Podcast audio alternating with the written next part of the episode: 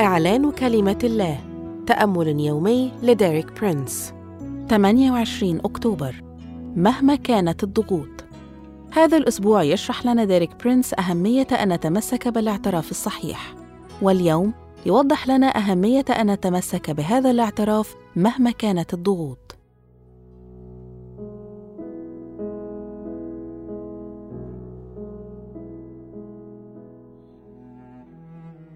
وصانا كاتب الرسالة إلى العبرانيين بأن نتمسك بالإقرار. كما في عبرانيين أربعة العدد أربعة عشر.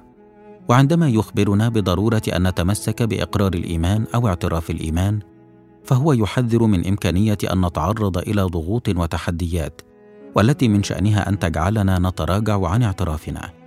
ولكن ينبغي ألا نتراجع وأن نتمسك بما ننطق به من اعتراف صحيح. المرحلة الأولى هي أن نجعل كلمات أفواهنا تتفق مع ما يعلنه الكتاب المقدس أي نعترف بكل ما صنعه الرب يسوع من أجل خلاصنا. تماما كما ورد في الكتاب المقدس مثل بحبره شفينا أشعياء 53 العدد خمسة ويقول في كورنثس الثانية ثمانية العدد تسعة من أجلكم افتقر وهو غني لكي تستغنوا أنتم بفقره ويقول في عبرانيين اثنين العدد تسعة لكي يذوق بنعمة الله الموت لأجل كل واحد. ويقول في غلطية ثلاثة العدد ثلاثة عشر وأربعة عشر صار لعنة لأجلنا لتصير بركة. هذه هي الاعترافات الصحيحة التي يجب أن ننطق بها.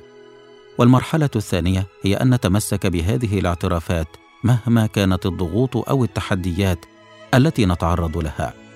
مهما بدت الأمور وكأنها تسير في اتجاهات غير متوقعة وتمسكنا بالاعترافات الصحيحة في هذه الأوقات سيكون له أثر عظيم.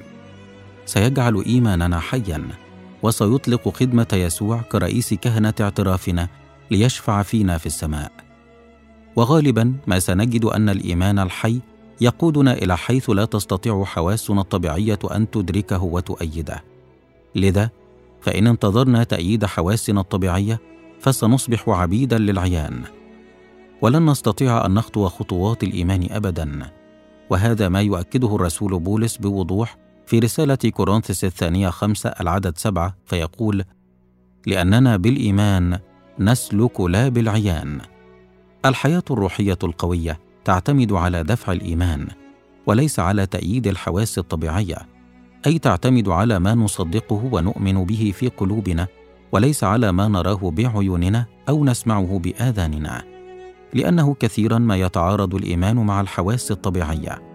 قد تخبرنا حواسنا أمرا ما، ولكن إيماننا يصدق امرا آخر لهذا يعلن لنا كاتب الرسالة إلى العبرانيين أنه في هذا الموقف علينا أن نؤمن ونتمسك باعترافنا المتفق مع كلمة الله حتى إن لم توافقنا حواسنا الطبيعية. عندما تعلن كلمة الله امرا فيقينا سيكون هو الحق. أشكرك يا يسوع لأنك رئيس كهنة اعترافنا. أعلن أني سأشهد شهادة صحيحة ولن أتراجع بغض النظر عن الضغوط التي أتعرض لها وأني سأتمسك بالاعتراف الصحيح راسخا. آمين. لمزيد من الكتب والعظات لديريك برينس قم بزيارة موقعنا www.dpmarabic.com